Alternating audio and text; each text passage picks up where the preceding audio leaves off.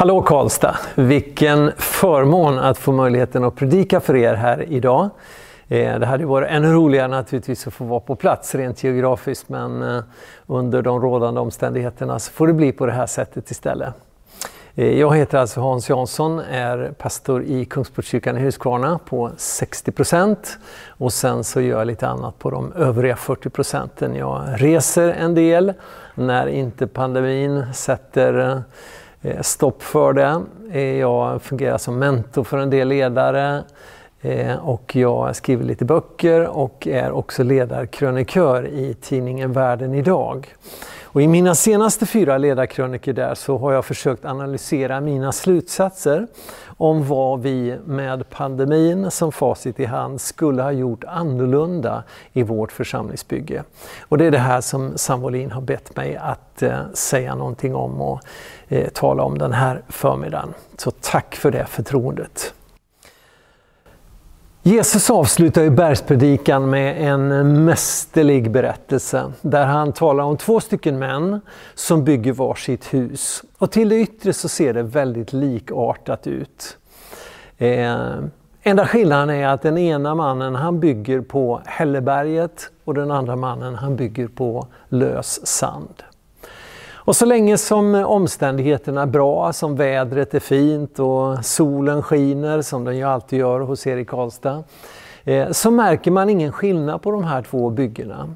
Men när ovädret kommer, när problemen kommer, när regnet börjar ösa ner, när eh, floden kommer och när stormvindarna kastar sig mot de här två husen så blir det väldigt uppenbart att det är stor skillnad på de här två husbyggena.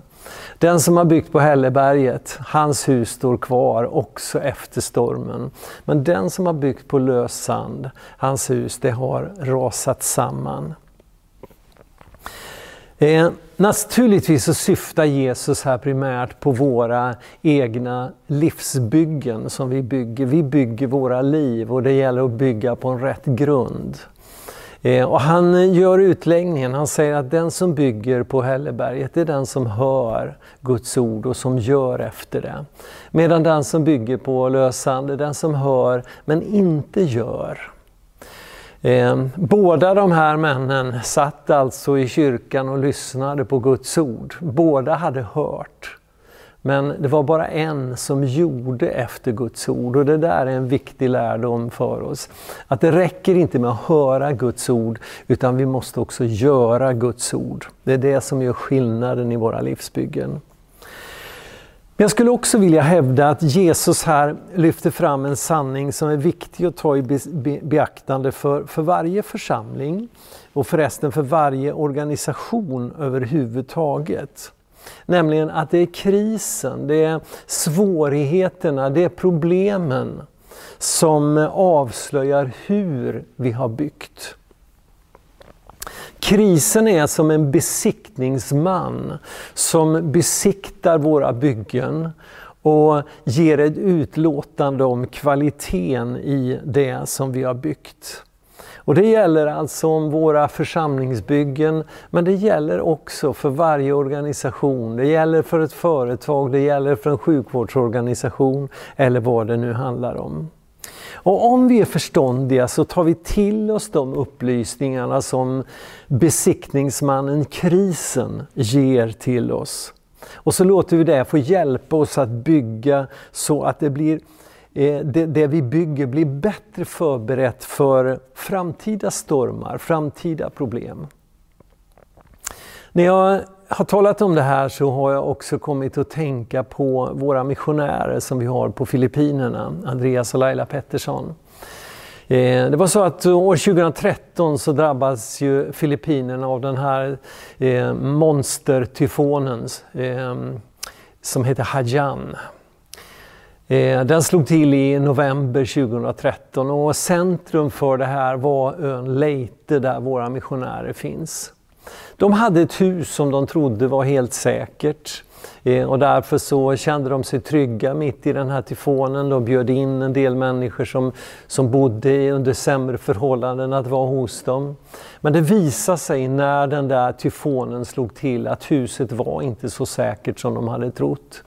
Eh, och den natten var de ganska övertygade om att de skulle stryka med. Men de överlevde och de fanns på plats och kunde direkt eh, sätta igång med hjälpinsatser och uppbyggnad av samhället på nytt. Men det som också hände efter det här var att ehm, de fick ett nytt hus. Ett hus som var bättre byggt och bättre förberett för att kunna stå emot stormar, eh, tyfoner och svårigheter. Den här pandemin som vi upplever just nu börjar likna ett utnötningskrig och det är lätt att bli trött på alltihop. Men tänk om den här tiden kan få bli en tid där vi får hjälp att analysera och korrigera våra församlingsbyggen. Då skulle vi kunna komma starkare ur den här pandemin än vi gick in i den. Pandemin är som en besiktningsman Eh, som, som eh, försöker lära oss om hur vi har byggt, kvaliteten på det vi har byggt och ge oss tips om hur vi skulle kunna göra det hela annorlunda. Jag har arbetat i eh, församling nu i nästan 45 år. Eh, och jag har haft förmånen att också få stå i församlingar som eh, haft en spännande utveckling, som har vuxit ganska påtagligt.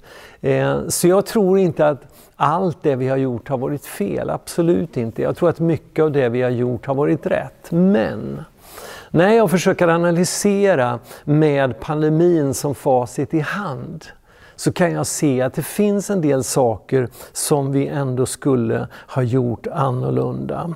Jag har ställt mig de här frågorna. Vad skulle vi ha gjort annorlunda med den här pandemin som facit i hand? Vilka annorlunda prioriteringar skulle vi ha gjort? Och jag tänker också då förankra mina slutsatser i hur jag ser att den första församlingen byggde det som är själva mönsterbilden för oss. Jag vet inte om du, om du skulle analysera din församling och hur ni har byggt och vad ni kan lära av det här, om du skulle landa i samma slutsatser som jag har landat i. Eh, det är inte säkert att, att du kommer att göra det. Eh, men jag önskar att du skulle våga göra den här prövningen och fundera utifrån det här. Vad skulle vi ha gjort annorlunda? Och utifrån det då göra korrigeringar som gör att ni som församling kan stå bättre rustade inför framtiden än vad ni annars skulle ha gjort. Fyra grundläggande slutsatser har jag kommit fram till. Men innan jag nämner dem så låt mig få läsa en text ifrån Apostlagärningarna om den första församlingen. Eh, och vi läser då ifrån Apostlagärningarnas andra kapitel från vers 42 till vers 47. De höll troget fast vid apostlarnas undervisning och vid gemenskapen, brödsbrytelsen och bönerna. Varje själ greps av bävan och många under och tecken gjordes genom apostlarna. Alla de troende var tillsammans och hade allt gemensamt. De började sälja sina egendomar och ägodelar och delade ut till alla efter vars och ens behov. Varje dag var de troget och enigt tillsammans i templet och hemmen bröt de bröd och delade måltid med varandra i jublande innerlig glädje. De prisade Gud och var omtyckta av hela folket och Herren ökade var dag skaran med dem som blev frälsta.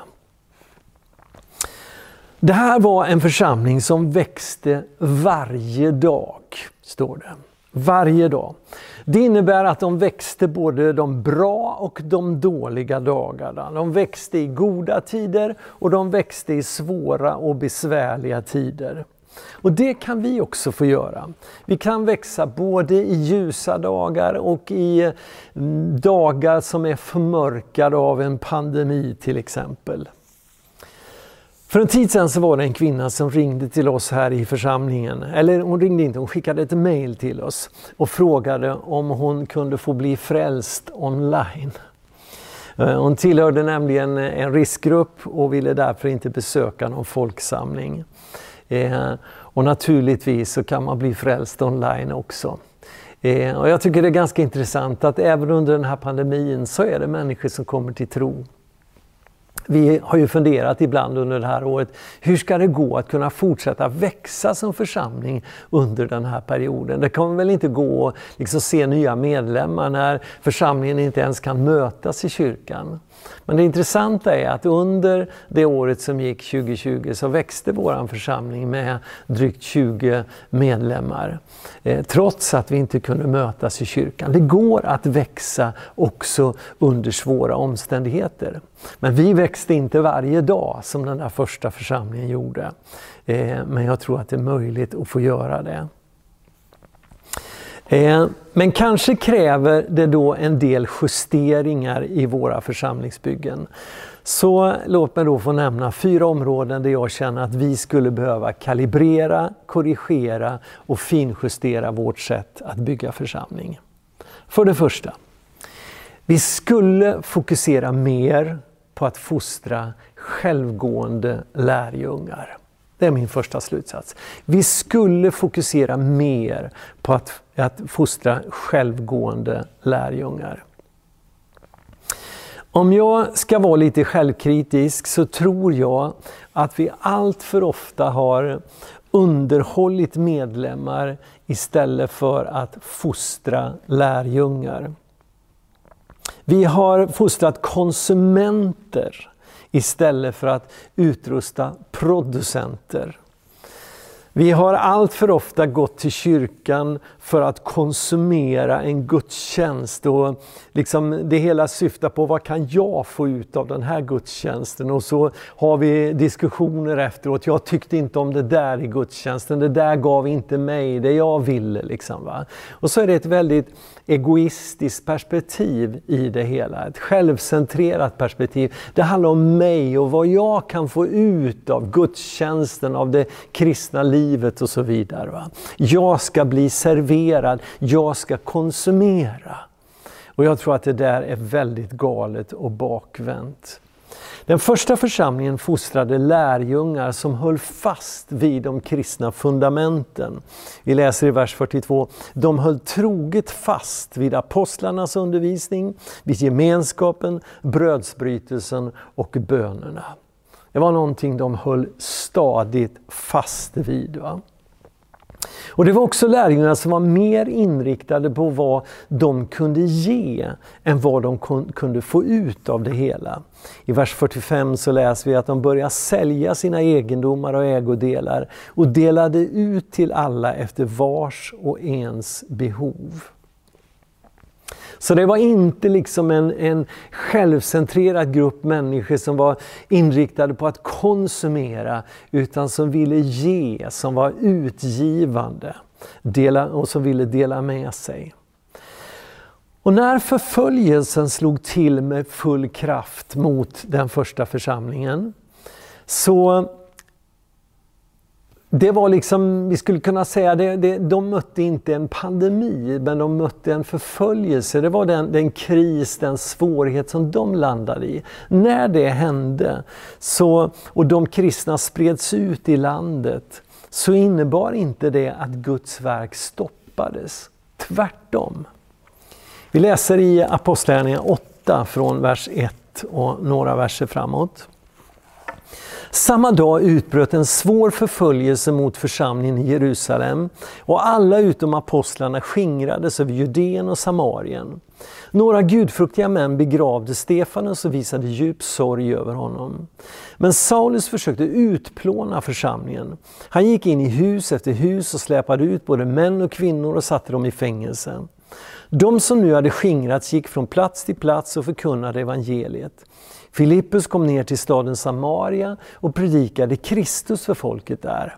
De lyssnade alla noga till det som Filippus förkunnade när de hörde och såg de tecken han gjorde. Från många som hade orena andar for dessa ut med höga rop och många lama och halta blev botade. Och det blev stor glädje i den staden. Det är uppenbart att det var självgående lärjungar som själva kunde producera som man hade fostrat i den första församlingen. Så att när eh, alla de, de, vanliga medlemmarna spreds ut i landet så var de inte uppgivna eller förtvivlade eller liksom eh, resignerade därför att det fanns ingen pastor som kunde serva dem. Utan de gick själva ut och började producera och göra det som Gud vill att varje lärjunge ska göra. Jag samtalade för en tid sedan med Kjell-Axel Johansson och han sa att det här med begränsningar, att kunna mötas, det, det, är på ett sätt inte så farligt därför att i de delar av världen där kyrkan växer som allra mest är det ofta förbjudet att mötas överhuvudtaget. Och det verkar gå ganska bra för dem, sa han. Eh, men då måste vi lägga ett tydligare fokus på att fostra självgående lärjungar, sådana som Filippus och hans kompisar. För det andra, vi skulle fokusera mer på den lilla gruppens stora betydelse. Vi skulle fokusera mer på den lilla gruppens stora betydelse. Trots det jag nyss sa så är det verkligen så att jag älskar när vi är många som får komma tillsammans för att tillbe Gud. Och Det är verkligen en av de saker jag saknar i den här pandemin. I vår församling så har vi också hävdat att vi tror att eh, eh både den stora och den lilla gruppen ska prioriteras. Jag har ofta sagt att vi ska växa oss större som församling genom att växa oss mindre. Alltså genom att, att bygga det hela utifrån den lilla gemenskapsgruppen, hemgruppen som vi kallar det. Och vi har ett eh, drygt 40-tal, 45 tror jag det är ungefär, eh, hemgrupper i våran församling. Vi hade det när pandemin slog till. Men när det hände så blev jag ändå medveten om att vi skulle ha fokuserat mer på att bygga den lilla gruppen, på att bygga hemgrupper. Vi hade också nyligen besök ifrån eh, Smyrnaförsamlingen i Göteborg. En grupp där som eh, hade frågor till oss inför sitt stora framförliggande byggprojekt, kyrkoprojekt. Eh, och de berättade då för oss att deras bönegrupper, det var deras första smågrupper så att säga, de formades i samband med kriget. I tider av kris så inser vi hur viktig den lilla gruppen kan vara. När den stora gruppen av en eller annan anledning inte får mötas så inser vi hur oerhört viktig den lilla gruppen kan vara. Eh, den första församlingen de betonade båda de här dimensionerna av församlingsliv. Vi läste i vers 46 där i Apostlagärningarna 2 att eh, varje dag var de troget och enigt tillsammans i templet och i hemmen bröt de bröd och delade måltid med varandra i jublande innerlig glädje. De möttes både i den stora gemenskapen och i den lilla gemenskapen. Och jag tror verkligen att vi ska bygga med båda de här två byggstenarna när vi bygger församling. Men med den här pandemin som facit i hand så inser jag att vi har inte lagt nog mycket krut på att bygga den lilla gemenskapen. Vi skulle ha lagt mer fokus på den än vad vi har gjort. Det kanske inte gäller alla, men eh, det är en slutsats som vi drar i vår församling. För det tredje, vi skulle fokusera mer på gudstjänsten i vardagen. Vi skulle fokusera mer på gudstjänsten i vardagen. Jag tror verkligen att gudstjänsten, huvudgudstjänsten i församlingen, oftast är det kanske förmiddagen man möts eller kanske på eftermiddagen, lite olika i olika församlingar.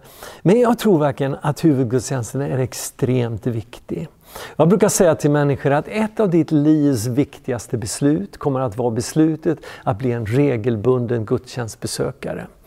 Eh, jag tror att gudstjänsten är så viktig och jag tror att man ska lägga mycket krut på gudstjänsten. Men ibland har vi fokuserat så starkt på söndagens gudstjänst att vi har missat betydelsen av gudstjänsten i vår vardag. Jag är verkligen tacksam för vår kyrka, vår kyrkbyggnad. Men om vårt gudstjänstfirande bara förläggs dit så blir det fattigt och begränsat. De första kristna hade verkligen en helhetssyn, en holistisk syn på det här med gudstjänst. Vi ser det i det brev som Jesu bror skrev i Jakobs brev, eh, kapitel 1 från vers 26. Om någon menar sig tjäna Gud men inte tyglar sin tunga utan bedrar sitt hjärta, då är hans gudstjänst ingenting värd. Men att ta hand om föräldralösa barn och änkor i deras nöd och hålla sig obesmittad av världen, det är en gudstjänst som är ren och fläckfri inför Gud och Fadern. Här talas det om gudstjänst inte bara som någonting som sker när vi möts i kyrkan i den stora gruppen. Utan gudstjänst det är också att eh, hålla sin, eh, att tygla sin tunga. Att eh, ta hand om föräldralösa barn och änkor i deras nöd. Att hålla sig obesmittad av världen. Det en gudstjänst som är ren och fläckfri inför Gud och Fadern. Det var så de första kristna såg på det. Det som vi vanligtvis kallar för gudstjänst är till för att inspirera oss och förbereda oss för att fungera i ett slags gudstjänstfirande under hela veckan. Att göra hela våra liv till en gudstjänst. Jag brukar säga att gudstjänsten är som en stämgaffel som sätter tonen.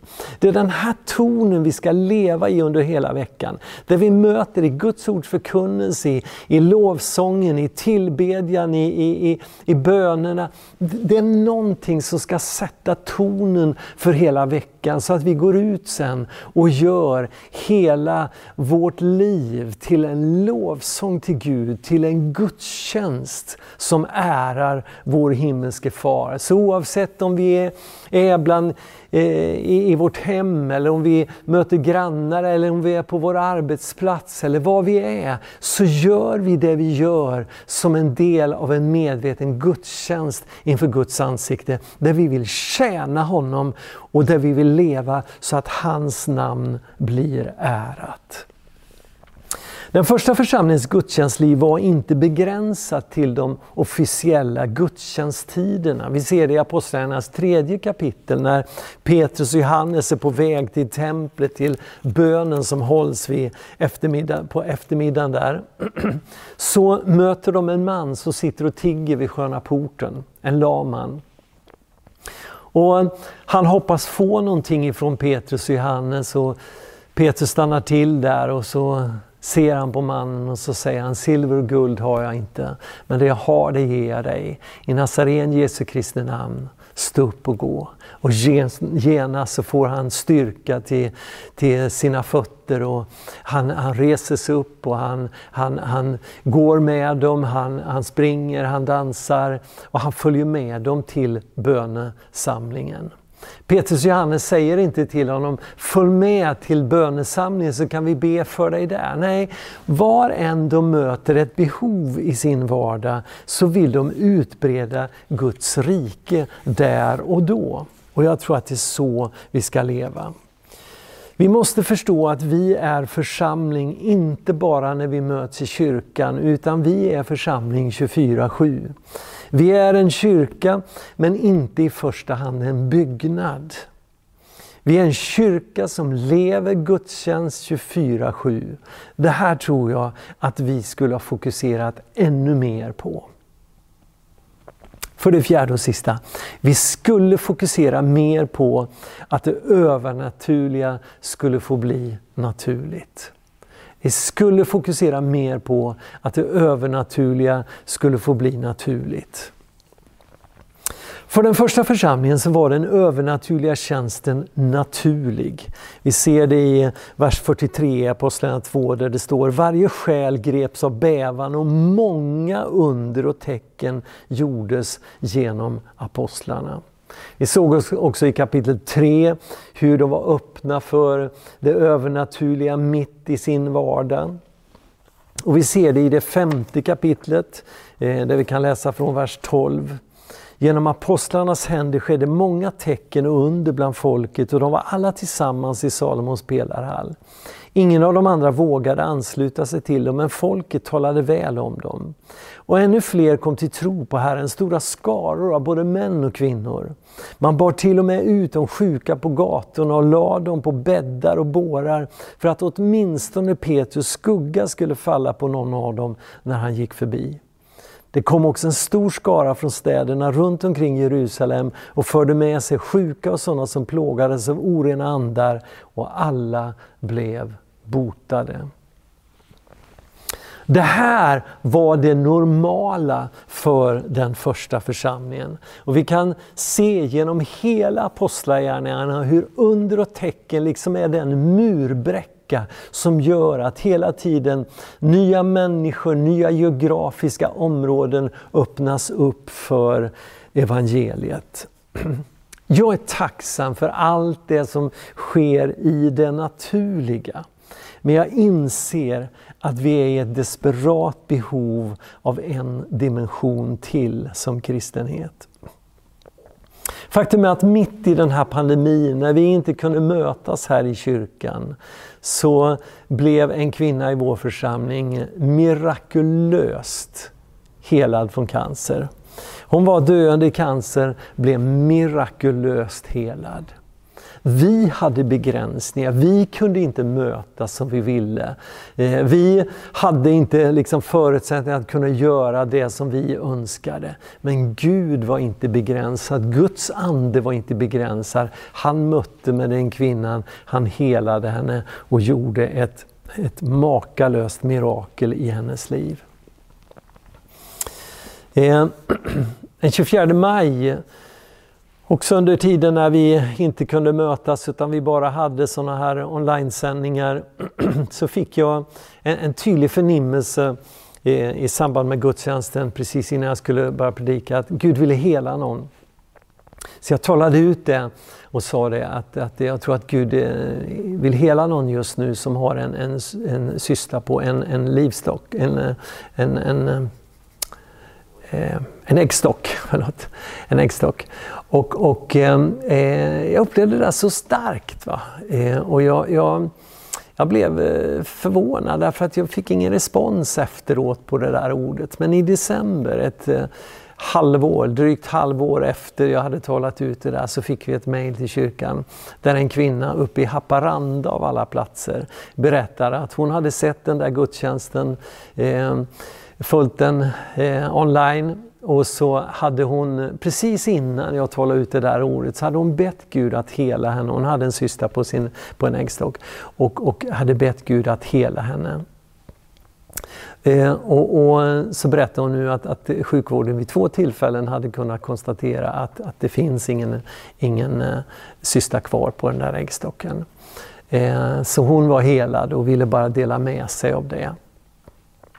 Eh, och det var ju uppmuntrande att höra. Och, och, och, det där har varit uppmuntrande. Vi har sett hur Gud har helat människor mitt under den här tiden där vi har haft begränsningar, där vi inte har kunnat nå ut som vi hade, hade önskat. Så har inte Gud varit begränsad och Gud har inte varit handlingsförlamad utan han har verkat. Och jag tror att han vill göra det, inte minst i den här tiden med så mycket fokus på, på lidande, på, på, på sjukdom och på, på död så tror jag att Guds rike vill kontra med undertecken, mirakel och kraftgärningar. Eh, men det här är också den dimensionen som vi, vi oftast tappar först. Därför att den kräver att vi, vi vågar ta ett steg utanför vår bekvämlighetszon och vågar liksom ta ett steg i tro utanför båtreligen.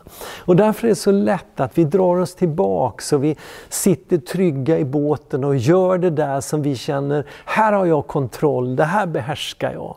Och så tappar tappar vi den där dimensionen som kräver att vi stiger utanför båtrelingen eh, och, och vandrar i tro. Eh, och, och, jag tror att, att vi, vi, vi behöver liksom uppmuntra varandra här och vi behöver lägga ett större fokus på det här området.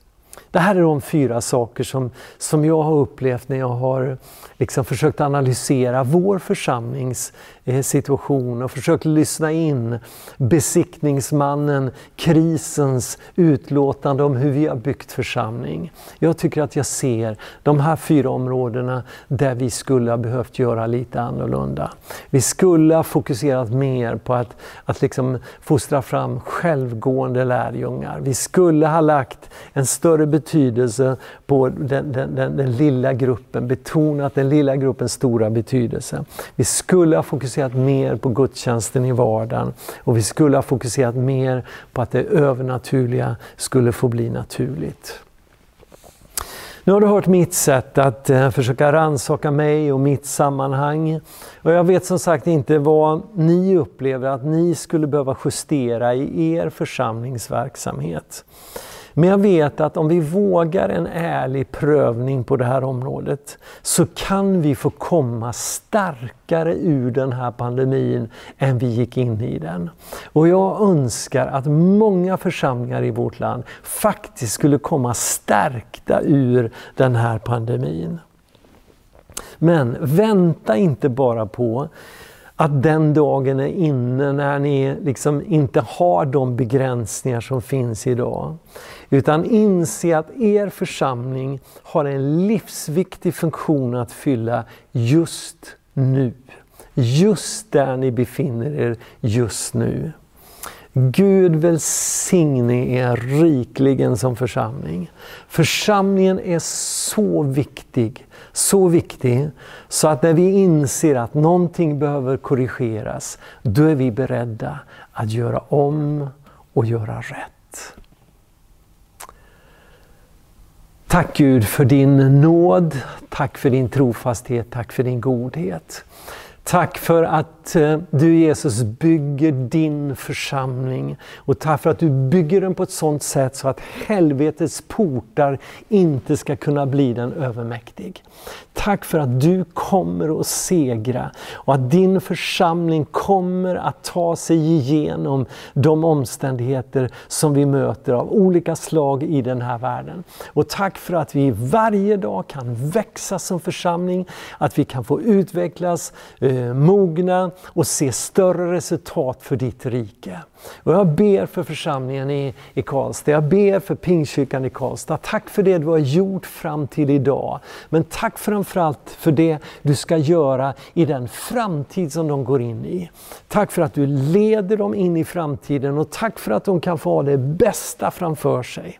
Jag ber om att du ska ge dem nåd att kunna få fostra lärjungar verkligen. Jag ber om att de små grupperna ska få blomstra i deras församling.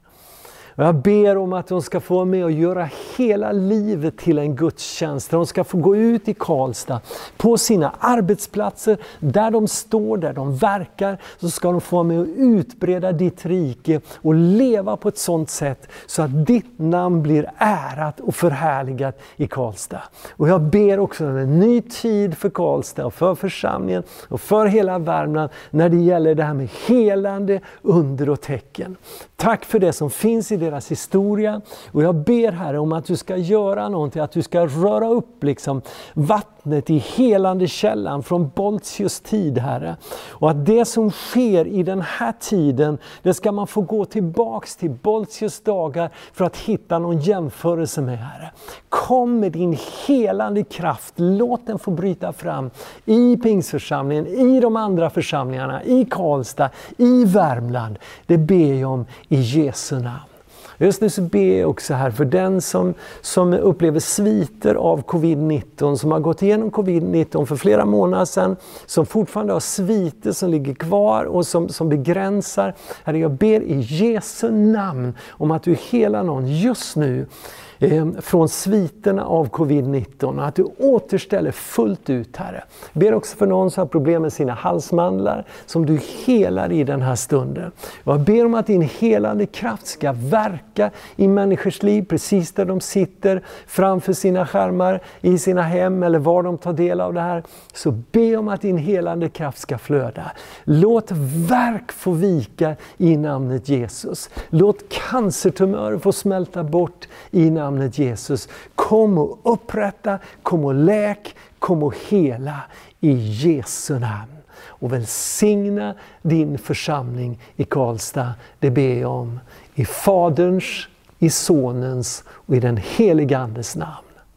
Amen.